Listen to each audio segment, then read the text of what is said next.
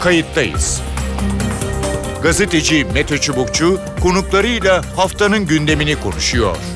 Tarihi yaşarken olaylara kayıtsız kalmayın.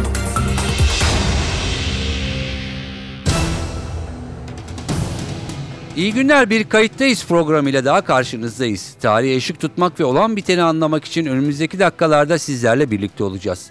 Ben Mete Çubukçu, editörümüz Sevan Kazancı. 1949'da Sovyetler Birliği tehdidine karşı kurulan NATO 70. yaşını Londra'da üye ülkelerin liderlerinin katılımıyla bir dizi tören ve toplantıyla kutladı. Liderler o toplantılarda görüş ayrılıklarını gidermeye çalıştı ve zirve sonunda yayınlanan bildiriye bakılırsa önemli mesafe kat edildi. En belirgin itilaf terör örgütü YPG ile ilgiliydi. Türkiye bu nedenle NATO'nun Baltık ülkelerini ve Polonya'yı koruma planını veto etmişti. Görüşmeler neticesinde orta yol bulundu. NATO'nun Baltık planı onaylandı. Zirve sonunda yayınlanan metinde özellikle Çin tehdidine dikkat çekildi. Londra'da ayrıca Suriye'deki son durumda masaya yatırıldı. Kayıttayız da bu hafta NATO zirvesine ele alacağız. Türkiye'nin YPG kaygıları nasıl giderildi? Günümüzde NATO caydırıcı bir güç mü? Organizasyonun Çin için planları neler? İki konuğumuzla değerlendireceğiz. Kayıttayız'ın konuğu doçent Nihat Ali Özcan. Nihat Ali Özcan, Türkiye Odalar Borsalar Birliği Ekonomi ve Teknoloji Üniversitesi öğretim üyelerinden. Hoş geldiniz programımıza. Merhabalar, iyi yayınlar diliyorum. E, bu haftayı e, en azından e, haftanın önemli bir e, bölümünü e, Londra'daki NATO'nun 70. yıl e, toplantısı ya da e, yıl dönümü zirvesine e, ayırdık. E, gerçekten önemliydi, önemli başlıklar e, vardı. E, ne dersiniz? E, kriz konularından söz edildi. Türkiye e, çok söz konusuydu. Her basın toplantısında soruldu. E, Macron'un sözleri e, daha önce söylediği sözler bir şekilde tartışıldı. E, Trump'ın e, bir takım eleştirileri e, vardı. E, ya da bize mi öyle göründü? E, ne dersiniz? Yani e, sonunda anlaşılacak mıydı? E, bir kriz havası vardı. Sonunda ne oldu? E, şimdi şunu söylemek lazım. Tabii NATO bir şemsiye bir örgüt. E, biliyorsunuz hem Kuzey Amerika hem Avrupa'da Türkiye'ye kadar uzanan çok sayıda üyesi var. Evet. Şimdi her bir üyenin tabii ki hem kendi iç politikasında bir duruşu hem de her bir üye ülkenin jeopolitik pozisyondan kaynaklanan öncelikleri var. Hı hı. Mesela eğer e, Doğu cephesinde yer alıyorsanız Rusya ile daha sıkı bir e, komşuluk ilişkiniz ve sınırınız varsa ve yakın geçmişinizde de soğuk savaşın izlerini taşıyorsanız hala hı hı. sizin için tabii ki öncelik e, Rusya ve Rusya'dan ortaya çıkan sorunlar olacak. Ama e, Trump'ın yönettiği bir Amerika'ysanız tabii ki küresel bağlamda öncelikler listeniz biraz daha değişebiliyor. Ya da Türkiye'yseniz e, sorununuz daha çok güneyinizdeki devam eden süreçle ilgili. Şimdi bu yüzden bu kadar çok üyenin e, kendine ilişkin bir öncelikler listesi anlaşılabilir bir durum. Evet. Dolayısıyla da herkesin aynı çizgide aynı anda bulunması mümkün değil. Herkes kendi sorununu bu zirve öncesi gündeme getirip mümkün olduğu kadar birliğin desteğini arkasından hissedebileceği ve süreçleri yönetebileceği bir pozisyon arayışı içerisindeydi. Buna Türkiye'de dahil, Fransa'da dahil, e, özellikle işte Polonya'da dahil olmak üzere. Hı hı. E, dolayısıyla bu e, toplantı öncesi yapılan tartışmalar en azından gündemde ne olduğunu, nereye doğru gittiğini ve nasıl üstesinden geleceği konusunda bir platform oluşturdu ve bu sorun görünen o ki şimdilik aşılmış görünüyor. Evet peki ee, öne çıkan konulardan e, birisi e, itilaf konulardan birisi de e, YPG ile ilgiliydi. Türkiye bu nedenle e, özellikle Baltık planını e, veto edeceğini e, söyledi ya da veto e, etmişti öncesinde. E, görüşmeler neticesinde orta yolun bulunduğu e, söylendi. E, Baltık planı da onaylandı. Ne dersiniz orta yol e, bulundu mu? E, bulunduysa nasıl bulundu?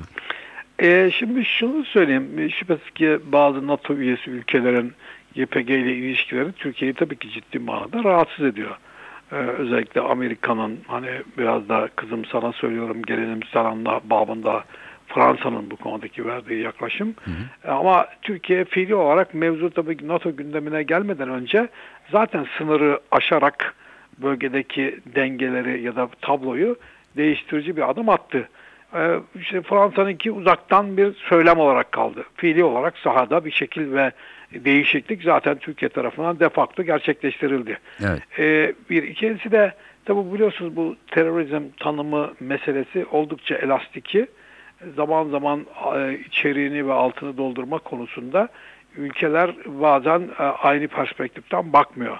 Nitekim hani terörizmle uğraşanlar ya da bu konuyu akademik olarak takip edenler işte yüzlerce neredeyse birkaç yüze varan e, o tanımı ve tariften söz eder. Hı hı. Değişkendir, dinamiktir, zaman içerisinde farklılıklar gösterir diye derslerde böyle anlatılır. Şimdi böyle olunca da devletlerin de hani aynı örgüte aynı biçimde bakarak bir sonuca varması eğer bu örgütün politik amacıyla kendi amacınız örtüşüyorsa o zaman biraz elastiki oluyor. İşte Fransa'nın Amerika'nın yaklaşımı gibi. Ya da Fransa Amerika'nın terörist dediği bazı gruplara ter Türkiye terörist değil diyor. Buna bakacak olursanız. Şimdi o yüzden bu tür tartışmaların zirve öncesi yapılması aslında bir manada zirveye giden ve zirvedeki yolda karşılıklı bazı tavizler vererek ortak bir noktayı bulunacağını söylüyordu. Çünkü NATO'nun varlık nedeninin ve ortaya koyduğu tehditler bu türde olanlar bu türden olanlar için bir hayatı olmaktan daha öte. O yüzden e, büyük ihtimalle o tarif ve tanımı biraz genişletip ve bundan sonraki görüşmelerde taraflar ikili görüşmelerde Hı. sorunun yönetilebilir bir duruma çekileceğini e, konusunda uzlaşmış olmalı ki Türkiye e, bu konudaki başlangıçta ilan ettiği pozisyonunda bir değişikliğe giderek e, işte NATO'nun Baltık planının e, bütün üyelerin imzasıyla kabul edilmesi konusunda e, bir görüş ortaya koydu. Evet. E, Türkiye ayrıca e, yani bütün öncesinde e, ve sırasında bu konunun e, gündemde masada tartışılır olması, basın toplantılarında liderlere sorulmasını da bir şekilde e, önceleyerek e, konunun da hani gündemde tutulduğunu mu e, tutulmasını mı sağladı? E, tabii böyle bir platform ve dünyada e, NATO ile ilgili yapılan tartışmalarda bütün medya, e, yazılı, sözlü, sosyal medyada bütün bunlarda en azından ya bir PYD diye bir varlığı bu varlığın da Türkiye tarafından terörist olarak tanınmadığına dair bir platform sundu. Bu platform Türkiye sonuna kadar e, en üst düzeyden e, o şeye kadar e, NATO'da çalışan diplomatlardan askere kadar herkesin gündemine sokmayı bunun öyle olup olmadığını tartışmayı başardı. En azından hiç yok derken birdenbire herkes yok diyenler bile kendisini böyle bir tartışmanın içerisinde bulup o, o pozisyonda e, farklı bir görüş almasını sağladı ve Türkiye e, bunu gündeme getirerek böyle bir mesafe aldığını söyleyebiliriz tabii ki. Peki. Ee, kapanış metnine e, ya da bildirgeye bakacak e, olursak 4-5 madde e, öne çıkıyor. E, siber saldırılar var. Tabii ki Rusya tehdidi yeniden e, bir şekilde Baltık ülkeleri e, bağlamında e, metne e, girdi. Harcamalar metne girdi. Yani Trump'ın orada herhalde e, uzun süredir ısrar ettiği e, konu. E, terör e, farklı yani çok geniş bir tanımla e, girdi ve bir de Çin girdi. Ne dersiniz siz e, hangisi e, bu başlıklardan e, en özgün, en yeni e, ve geleceğe yönelik e, NATO perspektifinde bir şey öneriyor?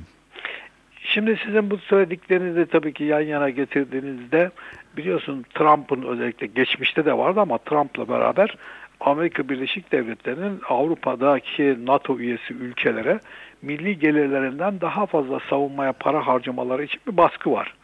Yani gerçekten de baktığınız zaman işte Almanya 1990'da da 62 milyar euro para harcıyormuş, şey dolar. Hı hı. Şimdi de ekonomisini e, bu kadar büyütmesine rağmen gene 62 milyar dolar harcıyor ve Trump şunu söylüyor. Sonuçta biz 1.4-1.5 civarındaki Alman milli gelirinin savunma harcamasını NATO'nun fonksiyonlarını yerine getirme konusunda yeterli değil. Biz de Amerika Birleşik Devletleri olarak sizi gelip savunmak durumunda değiliz. Evet. Şimdi bu bütün diğer ülkelerle ilgili tartışmalarda devam ediyor. Tabii ikinci tartışma zaten e, NATO'nun kuruluş serüveninde başlangıç motivasyonu ile ilgili Rusya. Hı hı. Biliyorsunuz Rusya'da da bu özellikle füzelerin yeniden Batı Rusya'nın batıya Avrupa'nın doğusundaki e, sınıra doğru nükleer bazı başlıkların ve füzelerin yerleştirilmesiyle ilgili tartışma devam ediyor. Tabii bir de terörizm. Terörizmde biliyorsunuz 2, 11 Eylül hı hı. 2001 Amerika'daki saldırıdan itibaren e, öncesinde daha az olmak e, durumundayken 2011 2001'den itibaren daha artan bir tempoda ki bunun bir sonucu olarak 5. madde işletip NATO e, Afganistan'da da görev aldı. Terörizm de gündemdeydi. Hı hı. Şimdi sizin de söylediğiniz gibi iki tane temel konu var.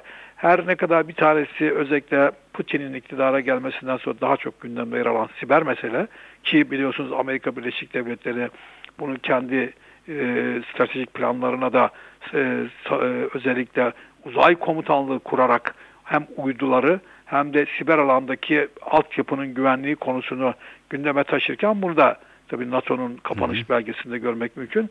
Buradaki en yeni ve ilgi çekici olan tabii ki Çin. Evet. Sizin de ifade ettiğiniz gibi. Şimdi e, jeopolitik olarak baktığınız zaman Avrupa ve Amerika e, özellikle Amerika ve NATO üyesi ülkelere sanki Çin biraz mesafe olarak uzak gibi duruyor ama e, biliyorsunuz ki e, Çin'i Amerika'da özellikle Trump'ın Çin'le yürüttüğü bu ticaret savaşları, Çin'in yol ve kuşak projesi, hı hı. yine Çin'in gittikçe temposunu ve sayısını arttırdığı uzaydaki özellikle uydular üzerinde olan varlığı, buna bağlı olarak e, Çin'in e, dünyanın değişik yerleri özellikle Afrika'da, Orta Doğu'da ve gittikçe dünyanın değişik yerlerin özellikle e, Pasifik bölgesindeki falan etkinliği e, ve Amerika'nın bunu bir ciddi bir risk olarak ve tehdit olarak görmesi yavaş yavaş NATO'nun gündemine Çin'i her ne kadar şimdi doğrudan tehdit olarak tarif etmese de artık anlaşılan ki bundan sonra NATO mesaisinin ciddi bir bölümünü her geçen gün Çin'e ayırmak durumunda kalacak gibi gözüküyor. Evet e, bu da e, muhtemelen önümüzdeki dönemlerdeki zirvelerde de e, farklı açılardan girecek. Bir yandan da NATO herhalde e, artık e, belli bir coğrafya değil daha uzak coğrafyalarla da ilgili bir teşkilat e, gibi görünüyor. Yani şöyle haklısınız. Şimdi eğer çok uzak coğrafyalara ilgi duymaya başladığınızda birdenbire bir organizasyon yapınızı, silah sistemlerinizi, yeni tehdide göre bütçenizi, ortak bir anlayışın üretilmesi gibi çok farklı alanlarda kendinizi e, bir adaptasyon ve değişimin eşiğinde bulacaksınız. Hani hep söylenen o NATO bir sürekli bir değişim geçiriyor ama bu yeni değişimin herhalde motivasyonu bu dediğiniz gibi Çin'e doğru kaydıkça Çin meselesine cevap verecek hem entelektüel hem politik hem askeri hem organizasyon hem diplomatik yapıda da ciddi bir değişim ve dönüşüm göreceğiz gibi görünüyor. Peki. Ee, Nihat Ali Özcan çok teşekkür ediyorum ben programımıza teşekkür katıldığınız ve yorumlarınız için. Sağ olun. Kayıttayız'ın konuğu Profesör İlter Turan. İlter Turan Bilgi Üniversitesi öğretim üyelerinden. Hocam hoş geldiniz programımıza. İyi yayınlar Mete Bey. Bu hafta e, gündemde dünyanın e, ve Türkiye'nin gündeminde NATO vardı. Haftanın büyük bir kısmını e, NATO zirvesi, tartışmalar, karşılıklı polemikler, e, Türkiye'nin e, bir takım e, ısrarları, itirazları ve sonunda ortaya çıkan kararları e, konuştuk. İlk şunu sormak istiyorum. Türkiye özellikle bu YPG konusu ve NATO'nun Baltık ülkelerini yani Polonya'yı koruma planına e, veto edeceğini söylemişti. Kendisinin e, bu e, planını ya da görüşünün kabul edilmemesi halinde. E, daha sonra Baltık planı kabul edildi e, ve bir sanki orta yol bulundu gibi. Ne dersiniz? Nasıl bulundu e, bu orta yol? Şimdi efendim henüz e, bir açıklama gelmediği için hı hı. E, bu orta yolun neler ihtiva edebileceği konusunda bir bilgimiz yok. Ee, yalnız e, Türkiye'nin bu Baltık ülkeleri ve Polonya'nın endişelerini giderecek tedbirler karşısında vetosunu kullanacağını belirtmesi ittifak katında çok önemli endişelere sebep olmuştur diye tahmin ediyorum. Çünkü hani ittifakın bu e, kuruluş sebepleri arasında yani işte Sovyet veya onların mirasçılarına karşı bu ülkeleri korumak o bakımdan Türkiye'ye karşı çok ısrarcı tavırların bütün üyeler tarafından sergilendiğini tahmin ediyorum. Bunun üzerine bir de şey eklemek lazım. Yani gerek Baltık ülkeleri gerek Polonya e, Avrupa Birliği içerisinde ve NATO çerçevesinde de Türkiye'ye son derece dostane yaklaşan ülkelerdir. Türkiye'nin kendi direncini bu alanda yoğunlaştırması onları da çok kırıcı sonuçlar doğuracaktı. Bununla hı hı. birlikte hani Türkiye'yi ikna etmek için e, sadece tahminde bulunabilirim. Yani bir bilgimiz olmadığını tekrar vurgulamak mecburiyetindeyim. Hı hı. Herhalde bu Suriye'de YPG'ye verilen destek, YPG'nin e, coğrafi konumuyla ilgili belki e, Türkiye'ye karşı bir takım vaatlerde bulunulmuştur. Keza İdlib'de de belki buna benzer bazı e, vaatlerde bulunulmuştur. E, ama bunlar açıklanmadığı sürece bunlar sadece herhangi birimizin yapacağı tahminlerle sınırlı kalmaktadır. Peki şöyle de bir e, görüş var. Evet e, e, belki e, Türkiye'nin önerisi kabul edilmedi. Türkiye'de diğer kararı e, veto etmedi ama öncesiyle ve zirve sırasında e, hem basın toplantıları hem liderler arasındaki konuşmalar, polemiklerde e, YPG e, çok ciddi olarak gündeme e, geldi. Yani bir terör örgütü e, sıfatıyla. Dolayısıyla bu platformda e, Türkiye'de bunu e, kendine yönelik bir avantaj olarak e, kullandı ve e, uzun bir süre e, ülkeler, liderler e, önlerinde bu sorunu buldu. Ne dersiniz? Şimdi efendim yani şu anda bu ülkelerden herhangi bir tanesi veya NATO bir örgüt olarak YPG'yi terör örgütleri tanımına almış değil. Evet. O bakımdan yani YPG'nin diğer ülkeler tarafından ele alınışının temelinde bir değişiklik olmamışa benziyor. Bununla birlikte hani yine bilmediğimiz için görüşmelerin sonuçlarını tahminde bulunabiliriz. Belki YPG'ye verilen destekler ve e, gösterilen kolaylıklar konusunda bir e, yavaşlama, bir destek azaltması olacaktır. Hani e, Amerika Birleşik Devletleri ve Fransa ve belki diğer ülkeler e, DAEŞ'e karşı kendi askerlerini kullanmak yerine YPG'yi kullanma konusunda ısrarlı oldukları için doğrudan onu bir terör örgütü olarak e, niteleyemiyorlar ama belki verilen desteğin e, miktarı azalacak ve niteliği değiştirilecektir. Sonuç bildirgesine baktığımızda e, yaklaşık e, en azından benim hani e, öne çıkardığım işte siber saldırılar, siber tehdit, özellikle harcamalar Trump'ın uzun süredir e, diğer başkanların da söylediği ama Trump'ın da hep altını e, çizdiği elinizi taşın altına sokun. E, Baltık planıyla Rusya, e, terör e, tabii ki e, girdi. E, belki en yeni olarak e, Çin, e, Çin. dahil oldu e, bu belgeye. Ne dersiniz? Yani burada önem sırası ya da NATO'nun geleceğine yönelik hangi madde daha farklı bir perspektif içeriyor? Şimdi efendim e, değişik maddelerde NATO'nun değişime uyum sağlamaya çalıştığını gösteren ipuçları var.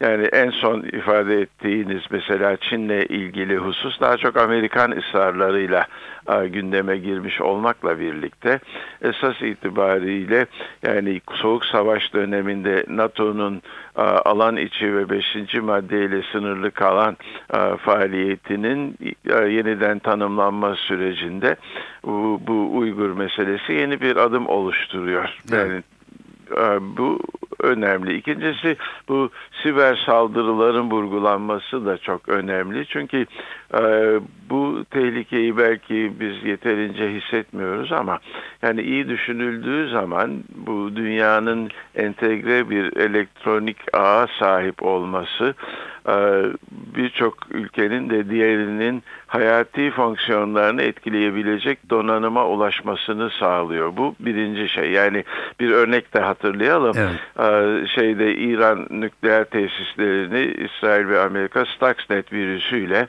e, birkaç gün işlemez hale getirdiler. Aynı şeyi hava meydanları için yapmak, merkez bankaları için yapmak, bir ülkenin kendi hariciyesiyle haberleşmesi için yapmak ve buna benzer birçok alanda mümkün. Aynı şekilde sanayi ve ticari sırların çalınması da mümkün.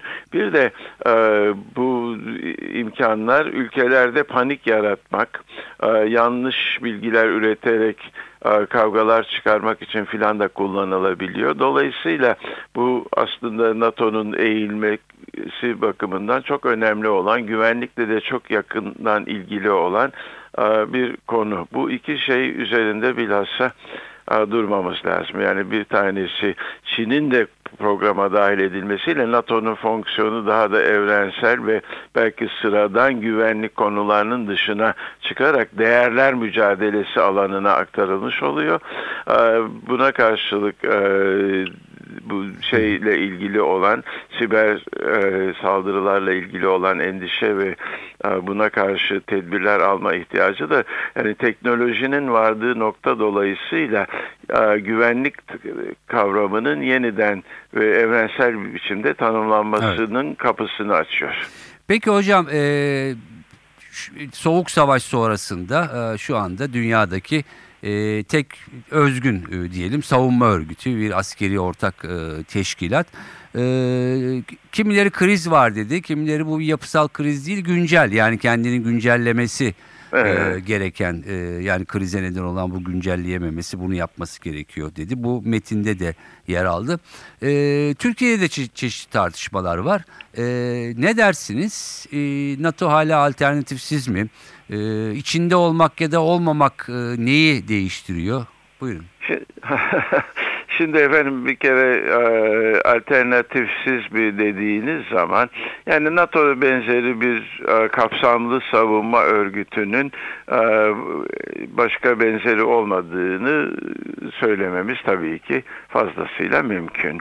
Buna karşılık e, bir şeye baktığınız zaman yani Türkiye'nin NATO ile ilişkisine e, Türkiye'nin NATO ile ilişkisi hem güvenlik açısından önemli hem de hangi dünyanın bir parçası olduğunu belirlemesi açısından da önemli. Hı hı. E, bu ikili fonksiyonu gözden uzak tutmamak lazım. Güvenlik açısından dediğim zaman da tabii Soğuk Savaş döneminde çok belirgin ve herkesin üzerinde anlaştığı bir tehdit vardı ve bu tehdit artık hani o şekliyle ortadan kalkmış bulunuyor. Bununla birlikte hani Türkiye gibi bir ülkenin veya herhangi bir başka NATO üyesi ülkenin e, kendi güvenliğini sağlarken e, belki geliştirdiği çeşitli ilişkiler çerçevesine hı hı. NATO'daki aidiyeti de katması onun diğer ilişkiler içerisinde bir güç unsuruna sahip olmasını intihac ediyor. O bakımdan da e, NATO ile ilişkilerin devamı önemli. NATO'da e, bir e, değişim geçiriyor ve fonksiyonunu yeniden tanımlıyor. Eğer bunu yapamasaydı sizin ifade ettiğiniz gibi belki bünyesel bir sorunla karşı karşıya kalacaktı ama şu anda öyle bir bünyesel sorun varmış gibi pek gözükmüyor. Peki e, son sorum olsun o zaman hocam.